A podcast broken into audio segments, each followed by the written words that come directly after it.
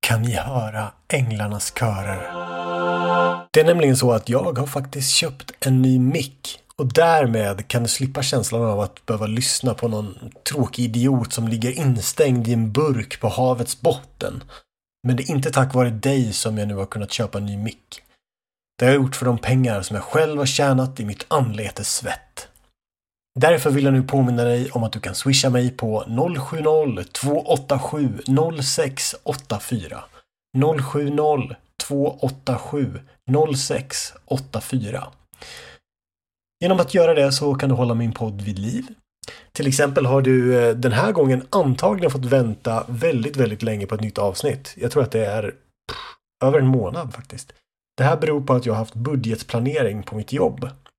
Och som chef så måste man tydligen planera plånbokens innehåll inför framtiden. Till skillnad från eh, politiker kanske. Jag vet inte. Ehm, därmed har jag haft väldigt, väldigt mycket att göra de senaste veckorna. Och eh, jag har haft mindre tid till bland annat podden. Så om du swishar så kommer jag ett steg närmare ekonomisk frihet och kan därmed ge dig lite mer av det du vill ha, nämligen mig själv. Apropå änglars körer så mm, har jag en sak att berätta. Jag är kreationist. Nej, det är jag inte. Verkligen inte. Det är verkligen, verkligen, verkligen ett skämt. Däremot så blev jag idag för första gången i mitt liv anklagad för att vara just kreationist. Ehm, för dig som inte vet vad en kreationist är så är det alltså en galet religiös person som ignorerar i regel allt vad vetenskap heter och ursäktar det med eh, någon form av gudomlig teori. Ett exempel är miljödebatten. En miljödebatt där kreationisten i regel alltid påstår att mänsklig påverkan av klimatet inte existerar. Allt drivs istället av övernaturliga makter. Åtminstone enligt kreationisten själv då. Själv är jag ateist och eh, till min frus förtret skulle jag nästan även vilja kalla mig antiteist. Ateism betyder i sig avsaknad av tro, det vill säga att du inte tror på Gud och eller tar avstånd från just tron på Gud. Det finns även agnostiker som har en mildare approach och är mer neutrala, till exempel genom att säga att de inte tror, men att de sen inte kan garantera att Gud inte existerar. De är tveksamma helt enkelt. Antiteism är till skillnad från ateism eller agnosticism ett mer aktivt avståndstagande från tro på gudar och högre makter. Samt ett rent motstånd mot religion. Och ja, överlag så försöker jag att ha en neutral approach där jag accepterar alla människors olikheter oavsett om det rör religion, kultur eller annat. Men när det kommer till religion så finner jag det i allmänhet oerhört problematiskt. Visst, om du likt min fru faktiskt tror på Gud men inte praktiserar det något vidare så berör det inte mig. Men i många andra fall så blir det problematiskt när vi ger av våra skattepengar till religiösa samfund, när religiösa grupper ursäktar rent idiotiskt beteende med hänvisning till sin religiösa tro. När religiösa människor vill ses som undantag för olika lagar och regler. När religiösa vill ha en snällare behandling, när de får utstå olika former av påstått förtryck och så vidare. Då blir det problematiskt på riktigt. Och när människor som tror på Gud, Adam, Eva och en talande orm faktiskt får rösta fram människor rent politiskt som också tror på den här sagan. Det, det är skrämmande om något. Att många av världens konflikter grundar sig i religiösa meningsskiljaktigheter och att religioner genom korståg och heliga krig har mer blod på sina händer än vad nazister eller kommunister tillsammans haft är också något som jag finner lite, lite skrämmande. Sedan kanske det kan anses vara något motsägelsefullt att jag har sån intolerans mot religion överlag. Detta då jag oftare argumenterar kring ämnet i fråga med att min avsaknad av tro måste respekteras av religiösa personer, vilket jag upplever inte görs. Är det då inte dubbelmoral att jag inte respekterar religiösa grupper? Kanske, kanske inte. Någonstans efterlever jag mottot som bland annat myntats i LaVeys eh, satanistiska bibel. Att man ska ha respekt för andra människor och behandla andra så som man själv vill bli behandlad. Men om någon inte respekterar dig så ska du inte respektera dem. Och om någon behandlar dig illa så krossa dem. Well, jag, jag efterlever inte det här mottot helt. Men om någon brister i sin respekt mot mig ser jag inte varför jag fortsatt ska inneha någon form av lojalitet eller respekt mot honom eller henne. Religion som sådan grundas i samma tänk som annan kollektivism. Det blir en typ av tillhörighet, en förklaringsmodell på världen och ett enkelt regelverk att rätta sig efter. Man behöver inte ifrågasätta något och man står liksom lika inför Gud, så att säga. Om ni inte redan märkt det så avskyr jag kollektivism. Ja, det kan vara trevligt om vi inser att vi har samma hobby och därmed bestämmer oss för att utföra någon form av aktivitet tillsammans. Men att gruppera mig med en annan grupp människor på grund av olika attribut som till exempel ideologi, kön, klass, tro eller annat. Ja, det är jag inte så sugen på faktiskt. Jag tror på vetenskap. Jag tror inte på spöken, andar, gudar eller andra övernaturliga väsen. Det som har bevisats är vad jag tror på. Det som ännu inte bevisats kan man förstås spekulera kring men jag väljer att inte lägga någon form av statement bakom sånt. I andra fall kan tidigare fakta motbevisas. Till exempel har det funnits ett antal uttalanden kring olika saker som ska vara till exempel cancerframkallande. Både i form av friterad mat, kolhydrater av olika slag, rött kött och så vidare. Flera av de här påståendena har sedan motbevisats av ny forskning. Min ateism till trots så har jag faktiskt fått ganska mycket mm, skit från andra ateister. Eh, just på grund av min egen ateism eller antiteism. Och det är lite intressant. Ehm, för väldigt många ateister, åtminstone i Sverige, verkar vara extremt rädda för att förneka Guds existens. Kanske är det den svenska konflikträdslan, vad vet jag? Mest verkar ateisterna tro att man får någon form av bevisbörda på sig om man säger att Gud inte finns. För mig är det dock ganska komiskt när ateister själva går in och mer eller mindre försvarar religiösa människor genom att hävda att man får en bevisbörda på sig om man säger att Gud inte finns. Själv tror jag att det är den som har yttrat ett påstående från första början som, inne, som innehar bevisbördan. I det här fallet den som säger att Gud faktiskt finns. Risken med motsatsen blir att man får komma med vilket idiotiskt påstående som helst utan att sen behöva ta ansvar för det här påståendet. För det blir då istället den som säger emot som får bevisbördan på sig. Det är inte hållbart någonstans. En sak som ateister brukar argumentera med är Russells Teapot. Det handlar om att Bertrand Russell i en artikel vid namn Finns Gud? skrev bland annat om jag påstår att det mellan jorden och Mars finns en tekanna som roterar runt solen och att den är så liten att den inte kan ses ens med det mest kraftfulla av teleskop så kommer ingen att kunna motbevisa mig. Och om jag säger att mitt påstående inte kan motbevisas anser jag att det är ren intolerans om någon ifrågasätter mig. Då skulle i regel alla avfärda mitt ord som rent nonsens.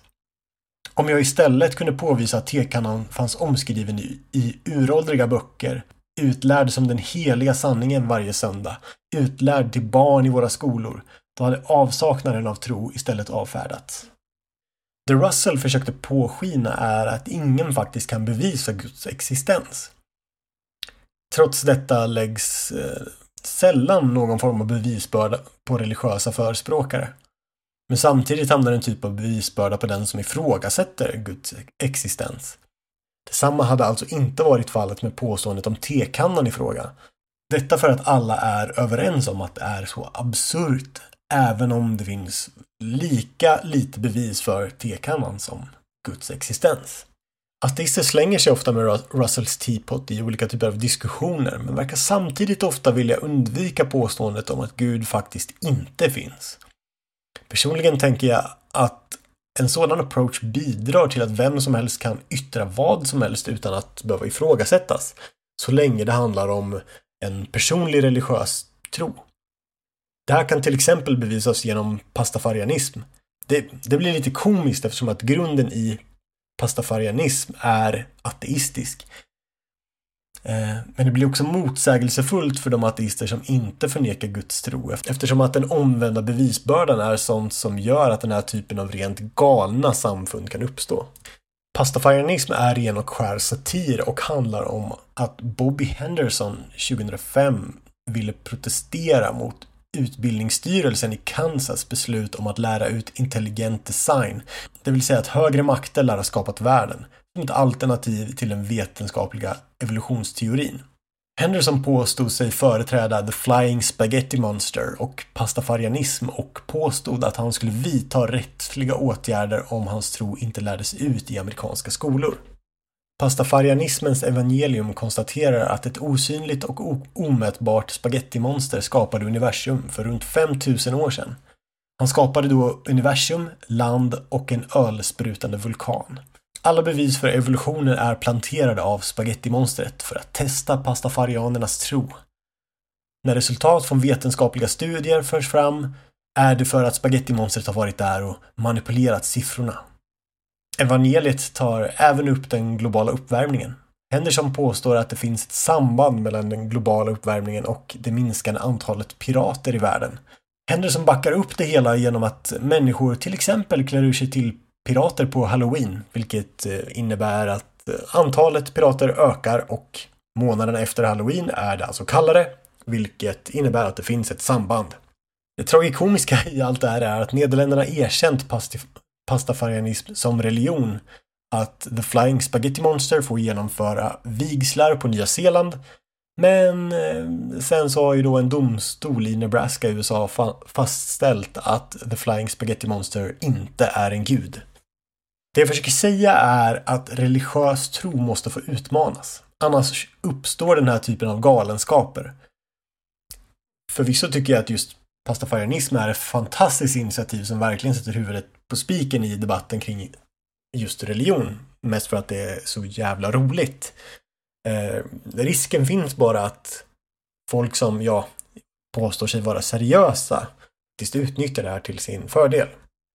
Jag vill att religiös tro ska få ifrågasättas genom att helt enkelt ifrågasätta Guds existens. Om någon vill skapa särlagstiftningar, finna ekonomisk vinning eller behandla folk illa med sin tro som orsak, då tycker jag inte att det är särskilt mycket begärt att det åtminstone bör ge någon form av bevis för att deras gud faktiskt existerar. Vad kommer annars hindra bluffmakare från att komma med falska gudar och göra samma typ av vinning genom sin falska marknadsföring. Men om jag har fel då? Tänk om det finns en gud? Well, ja, då är det väl jag som får stå där med dumstruten när det väl inträffar. Eh, att bygga upp sitt liv och rätta sig efter en religiös tro på en allsmäktig gud för att det kanske finns en gud. Det är inte good enough för mig. Men behöver jag då inte bevisa Guds icke-existens? Nej, det behöver jag inte. En del i Russells Teapot handlar om att Guds existens inte går att bevisa. Men när man tolkar det vidare så går det inte heller att bevisa en negation. Ett annat exempel som används är påståendet om att eh, det finns rosa flygande enhörningar. Ett påstående där vi alla kan vara överens om att det är falskt. Men du kan inte bevisa motsatsen, det vill säga att flygande rosa enhörningar inte finns. Innebär det då att det faktiskt existerar. Det gör det ju självfallet inte. Men du kan inte bevisa det. Därför anser jag mig ha rätten att säga att Gud inte existerar. Där och då börjar ateisterna ofta argumentera för att epitetet Gud är subjektivt, att det finns så många olika religioner som definierar Gud på helt olika sätt. Äh, ledsamt.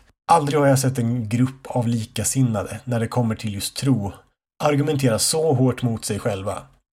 Och ja, om någon uråldrig naturreligion tillber naturen och växterna som ger världen liv som någon form av gud, fine. Men det finns ändå en vetenskaplig vinkel på den eftersom att allt baseras på fotosyntesen, att växter producerar syre och så vidare och så vidare. Det är alltså inte frågan om någon högre eller andlig makt. Det finns en vetenskaplig förklaring. Sen finns det även tillfällen då man kan säga att något inte existerar, även om det finns en osäkerhet. Till exempel kan jag hitta en mängd studier som påstår att det inte finns något botemedel mot till exempel aids. Och det gör det inte. Idag. Men det kanske finns ett, vi har bara inte upptäckt det än. Och då talar vi ändå om något vetenskapligt, något vi faktiskt kan ta på. Därför tycker jag personligen att relevansen i att förneka andlig existens blir betydligt större. För där finns det inte ens en orsak eller en bakgrund till erkännandet av det andliga från första början. I fallet med aids har vi en sjukdom, en sjukdom som innebär att immunförsvaret försvagas. något man potentiellt skulle kunna motverka genom någon form av botemedel mot det sjukdomstillstånd som inträffar. Nu är jag inte läkare eller forskare så jag ska inte dyka alldeles för djupt. Men det finns ändå en orsak bakom påståendet kring ett botemedels vara eller icke vara. Ändå säger man att det inte finns något botemedel mot aids. Varför är det så farligt när jag står och säger att Gud inte finns? Kan någon förklara det för mig? Men nu var det inte det här jag skulle prata om egentligen. Oavsett så hoppas jag att ni förstår att jag inte på något som helst vis är kreationist. Jag är inte religiös någonstans. Jag är en autistisk logiker som baserar allt på fakta. Jag hatar luddiga förklaringar kring känslor, andlighet eller annat. Det jag egentligen skulle prata om var alltså det här med att jag blivit kallad kreationist. Det hela började återigen i gruppen Sveriges ateister som finns bland annat på, ja men både på Facebook och Instagram. Gruppens generella tema är ateism och kritik av religion. Dock dyker det då och då upp en del politiska inspel. Märkligt kan jag själv tycka, men det är förstås okej. Okay. Det är inte min sak att diktera vad en grupp på sociala medier får eller inte får dela. Dock tycker jag att det är ett konstigt antagande i sig att en grupp som tar avstånd från en religiös tro samtidigt gör ett antagande om att alla ateister skulle vara vänster. Ja, det är i regel bara vänsteråsikter som ventileras när det dyker upp politiska poster i gruppen Sveriges ateister. Återigen, de får fritt posta precis vad de vill. Ibland har jag dock svårt att hålla käften när det dyker upp saker som jag finner, som jag finner lite märkliga. I just det här fallet hade man publicerat en meme och ja, memes är ja, ofta kul. Jag är en meme-person, jag tycker att det är roligt. I det här fallet publicerade man en så kallad klimatförnekar-bingo. Bilden innehöll olika påståenden vilka man då anser att klimatförnekare ställer sig bakom. Här är några av påståendena som fanns i den här bilden. Hur ska skatt på flyg och plastpåsar rädda världen? Forskarna varnade för 40 år sedan och jorden har inte gått under än. Varför ska Sverige göra något när Kina, USA och Ryssland är mycket värre? Alla forskare är inte alls överens. Klimatbluffen är bara en ursäkt för att få höja skatterna. Ja, ni hör ju. Är man indoktrinerad så är det kanske jättekul. Jag finner det dock sådär halvkul eftersom att vissa av påståendena är helt sanna. Det hade varit ungefär lika roligt som att skapa en bingo med påståenden som säger att välfärd kräver skatt. No shit.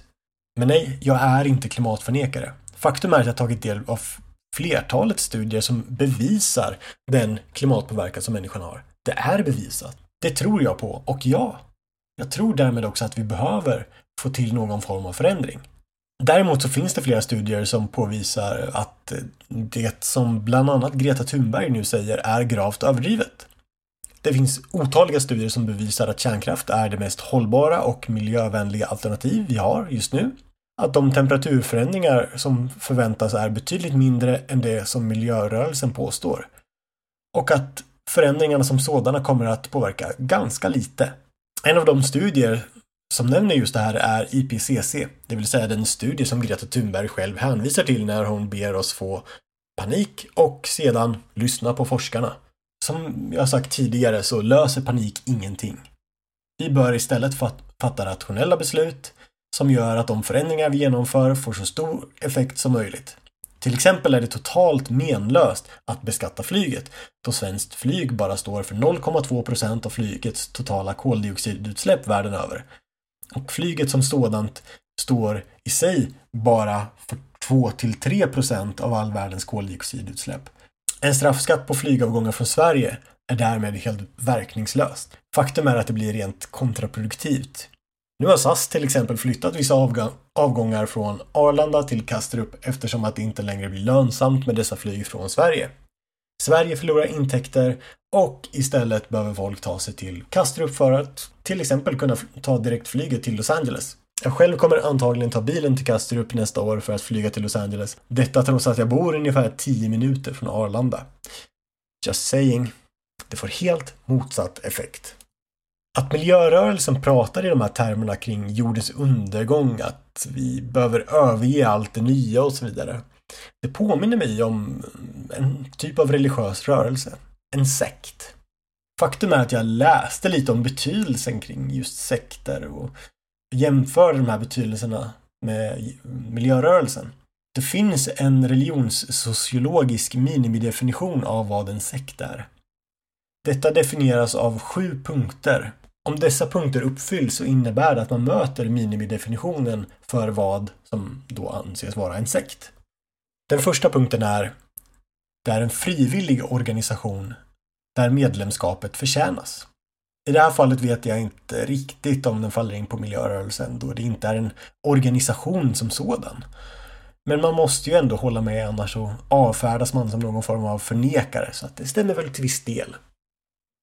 Den andra punkten är Medlemskapet är exklusivt och kan fråntas de medlemmar som inte följer gruppnormerna. Mm, tveksamt även där, men något regelrätt medlemskap finns ju inte. Däremot kan man ju exkludera så ett halvt rätt borde de väl ändå få. Den tredje punkten är Medlemmarna ser sig som en elit som är i besittning av särskild kunskap. BAM! Spot on. Det här är en punkt som är miljörörelsen personifierad. Den fjärde punkten är Sekten är vanligen i konflikt med sin omgivning.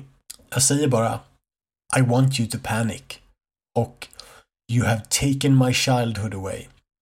Ja, det är ju vad Greta Thunberg har sagt och som hon hyllats för av hela miljörörelsen. Det kan definitivt uppfattas som en form av konflikt. Att sedan Per Holmgren och Torbjörn Tännsjö sedan vill begränsa demokratin och förbjuda demokratiska val av hänsyn till miljön, det tyder ju på fortsatt konflikt. Så ja.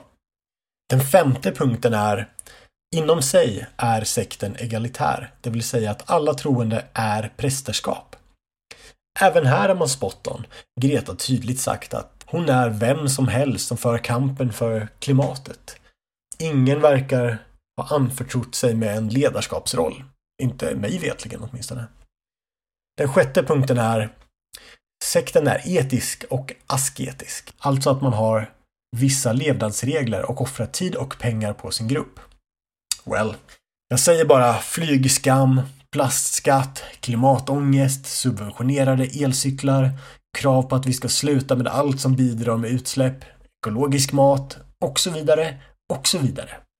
Den sjunde och sista punkten är Slutligen är sekten totalitär, det vill säga att man kräver totalt engagemang och försöker styra individens liv. Äh, ja, behöver jag ens säga något här? Ska jag referera till föregående punkt? Eller? Jag tycker att miljörörelsen påvisar ett sektliknande beteende. Jag säger inte att det är en sekt, men det finns mycket oegentligheter inom det här. Både i påståenden om olika energialternativ, olika skatter, vilka utsläpp som är farliga, att jorden kommer gå under och så vidare. Alla har väl hört om religiösa grupper som i jämna mellanrum kommer ut och säger att jorden ska gå under liksom. Det faktum att en präst i Visby församling nu helgonförklarat Greta Thunberg och att en amerikansk kvinna i New York, då Greta anlände där, sa att Greta speaks with the voice of a prophet är också indikationer på att något mycket obehagligt är på gång. Det är mycket sektliknande. Och det var det här jag skrev i kommentarfältet till den här klimatförnekarbingon. Nämligen att det i sig är ganska ironiskt att en grupp som Sveriges ateister nu anslutit sig till en religiös sekt. Jag fick ett svar som sa att kul att en kreationist kommer in och kallar vetenskap för religion. Jag utvecklade med källor och argument liknande de jag nämnt i bland annat det här avsnittet. Nämligen huruvida rapporter alltså motbevisar det som, miljö, det som miljörörelsen bland annat påstår. Jag påtalar också likheterna med religiösa grupper som predikar kring jordens undergång och så vidare. Jag fick inget svar. Istället när jag nu skulle gå in och läsa min kommentar inser jag att jag blivit blockerad av Sveriges ateister. Kanske är det så att gruppens administratörer, likt vilken kränkt religiös person som helst, inte kan ta mothugg. Vad vet jag? Eller så är det bara vänstertaktik. Nu låter jag lite som en foliehatt, tänker du säkert. Men faktum är att jag läste en artikel i Expressen om just det här häromdagen bara. Ironiskt nog är det en kommunist vid namn Nils Littorin som själv bekräftar hur vänstern använder härskartekniker och försöker tysta den debatt de själva då inte gillar. Han langar själv fram fem punkter som om han beskrev någon form av handbok för hur vänstern debatterar. Jag citerar. 1. Osynliggör och relativisera. Vissa problem passar inte vänsterns världsbild och finns därför inte. Om alla bara låter bli att prata om dem så försvinner de, är devisen. Men när problemen ändå li likt åskmoln tränger sig på så relativiseras de. Exempelvis förklaras för oroliga Malmöbor att våldet statistiskt sett faktiskt var värre i 70-talets folkhemsverige eller i dagens Chicago. Så varför gnälla?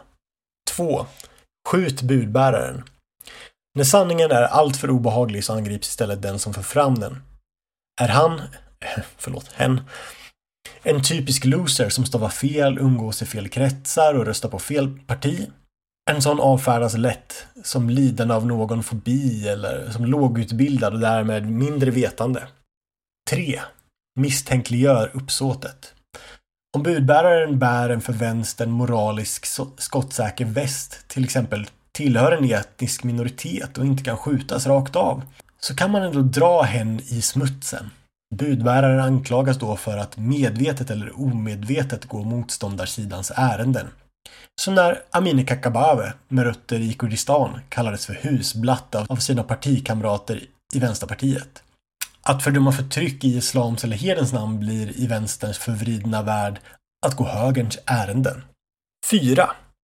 Guilt by association. Att umgås med fel personer eller att få medhåll av, av personer med fel åsikter kan leda till ödesdigra konsekvenser. Vänsters, vänsterns åsiktspoliser kommer att beskylla dig för, för brott som du aldrig har begått. Guilt by association förfinades och gjordes ökänd av den nordamerikanske kalla kriget-senatorn McCarthy. Han slungade anklagelser vilt omkring sig för att sprida skräck. I jakt på verkliga eller inbillade kommunistsympatisörer drabbades helt vanligt folk som bara ville ha demokrati och rättvisa. 5. When in doubt, send the Marines. Så lyder en strof i en av 60-talssatirikern Tom Lehrers sånger. Vänsterns motsvarighet till invaderande marinkårssoldater är rasiststämpeln. När inget annat biter tas den fram för att brännmärka folk som inte förstår att man ska uppskatta alla multikulturalismers välsignelser. Såsom dagisbarn med slöja eller polska byggarbetare som dumpar svenska löner. Det här känner jag igen så extremt väl. När det kommer till just frågor som är genuint vänster som till exempel den rådande klimatalarmismen. Då åker alla de här vapnen fram omgående. Det blir sällan ens någon form av debatt. Man ska bara exkluderas för man passar inte in i sektens världsbild. Detsamma gäller de fall då jag diskuterat feminism. Jag minns ett fall då jag debatterade med Kill the King, vilket är en feministisk hårdrocksgrupp i sociala medier, där man klankar ner på sexism i till exempel låttexter från olika hårdrocksband. Jag gick in och förklarade att allt är show och teater och bara för att någon sjunger om att bränna kyrkor och att mörda kristna, vilket är vanligt förekommande inom till exempel black metal, så innebär det inte att folk går ut och bränner kyrkor eller mördar kristna efter att ha lyssnat på just black metal. Detsamma gäller texter som sexualiserar kvinnor. Det är samma logik som antyder att folk som spelar våldsamma tv-spel kommer att börja mörda folk, att folk som tittar på porr per automatik kommer att bli våldtäktsmän och så vidare. Det finns inga belägg för det. Faktum är dock att det finns flera studier som bevisar raka motsatsen, att det inte finns några som helst samband. Just i det fallet åkte jag på en brutal slakt. Jag fick inte till någon saklig diskussion. Istället fick jag höra att jag var en hemsk incel som levde i ensamhet och, och antagligen skulle dö ensam och oälskad. Jag blev stämplad som rasist, våldtäktsman, mördare och mycket annat. Rena personangrepp som så här i efterhand antagligen hade kunnat vara underlag för en polisanmälan. Detsamma rör ett fall med Lady Dahmer, en känd svensk extremfeminist eh, som på Instagram påstod att det inte alls är ohälsosamt med fetma. Det är egentligen det som är nyttigt. Det som är farligt är att träna och försöka gå ner i vikt. Det är förvisso ett relativt påstående. Överdriven kropps och träningshets kan vara ohälsosamt. Men fetma är farligt. Och dödligheten på grund av fetma är hög. Jag refererade till ett antal källor och förväntade mig en, en kul debatt. Istället fick jag svaret att jag borde läsa en bok och, och att ingen bryr sig väl om vad en vit kränkt man tycker. Sen blev jag blockerad. Jag fick aldrig reda på vilka böcker jag borde läsa. Den här taktiken har många likheter med religiös argumentationsteknik. Bland annat så avfärdas många som argumenterar mot religion med hänvisning till att de till exempel kan springa djävulens ärenden. Detsamma gäller för vänster när man presenterar en agenda helt utan belägg Och när någon argumenterar emot så ska man antingen lägga fram någon form av guilt by association eller genom att helt enkelt bara smutskasta personen i fråga. I fallet med Sveriges ateister blir det lite komiskt eftersom att det är en grupp som tar avstånd från just religion. Men som sen använder sig samma typ av retorik, mer eller mindre rakt av. En annan grupp som verkar vara påfallande religiös är Sverigedemokraterna. SD-politikern Richard Jomshoff la ut en bild på Instagram. Bilden var en skärmdump från Aftonbladet där S-politiker nu gått ut och efterfrågat en imamutbildning på gymnasienivå. Jomshoffs text till bilden var då kan vi väl även införa en, Gro en Grodan Kermit-utbildning på högskolenivå också. Efter följde en mängd hatiska kommentarer mot islam, hur galet det här är och så vidare. Själv skakade jag mest på huvudet över dumheten som speglades i den här tråden. För det första så finns idag prästutbildningar på gymnasienivå. Om man tillåter prästutbildningar så bör väl rimligtvis imamutbildningar också tillåtas. Om inte, varför ska då prästutbildningen tillåtas? För det andra så spydde folk ut sitt hat i klassisk stil när det kommer till islam. Bland annat gjordes yttranden om att Sverige minsann är ett kristet land med kristna värderingar. Det där är yttranden som jag själv aldrig riktigt förstått mig på.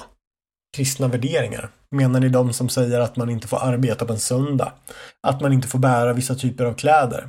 Att man får sälja sin dotter? Att man kan skära förhuden av sina barn eller den där där Gud bara dödar alla barn från icke-troende? De som yttrar att Sverige minsann är ett kristet land med kristna värderingar verkar ha svårt att specificera vilka värderingar man menar. Jag ifrågasatte det här och fick till svar att muslimer minsann behandlar kvinnor illa, att de har en skev syn på sexualitet och så vidare. Fair point. Det må vara sant, åtminstone ur en väldigt eh, generaliserande synvinkel. Men det jag finner mest tragiskt i just den här diskussionen är personen bakom uttalandet på riktigt verkar tro att man måste vara kristen för att vara en god människa. Och sen som att, ja men eh, Sverige har varit kristet så länge. Ja, fast även innan Sverige blev kristet så fanns det ju en generell tro. Jag menar, vilken trumfar vilken? Trumfar kristendomen asatron? Om ja, varför kan inte någon ny tro trumfa kristendomen? Ja, ni förstår.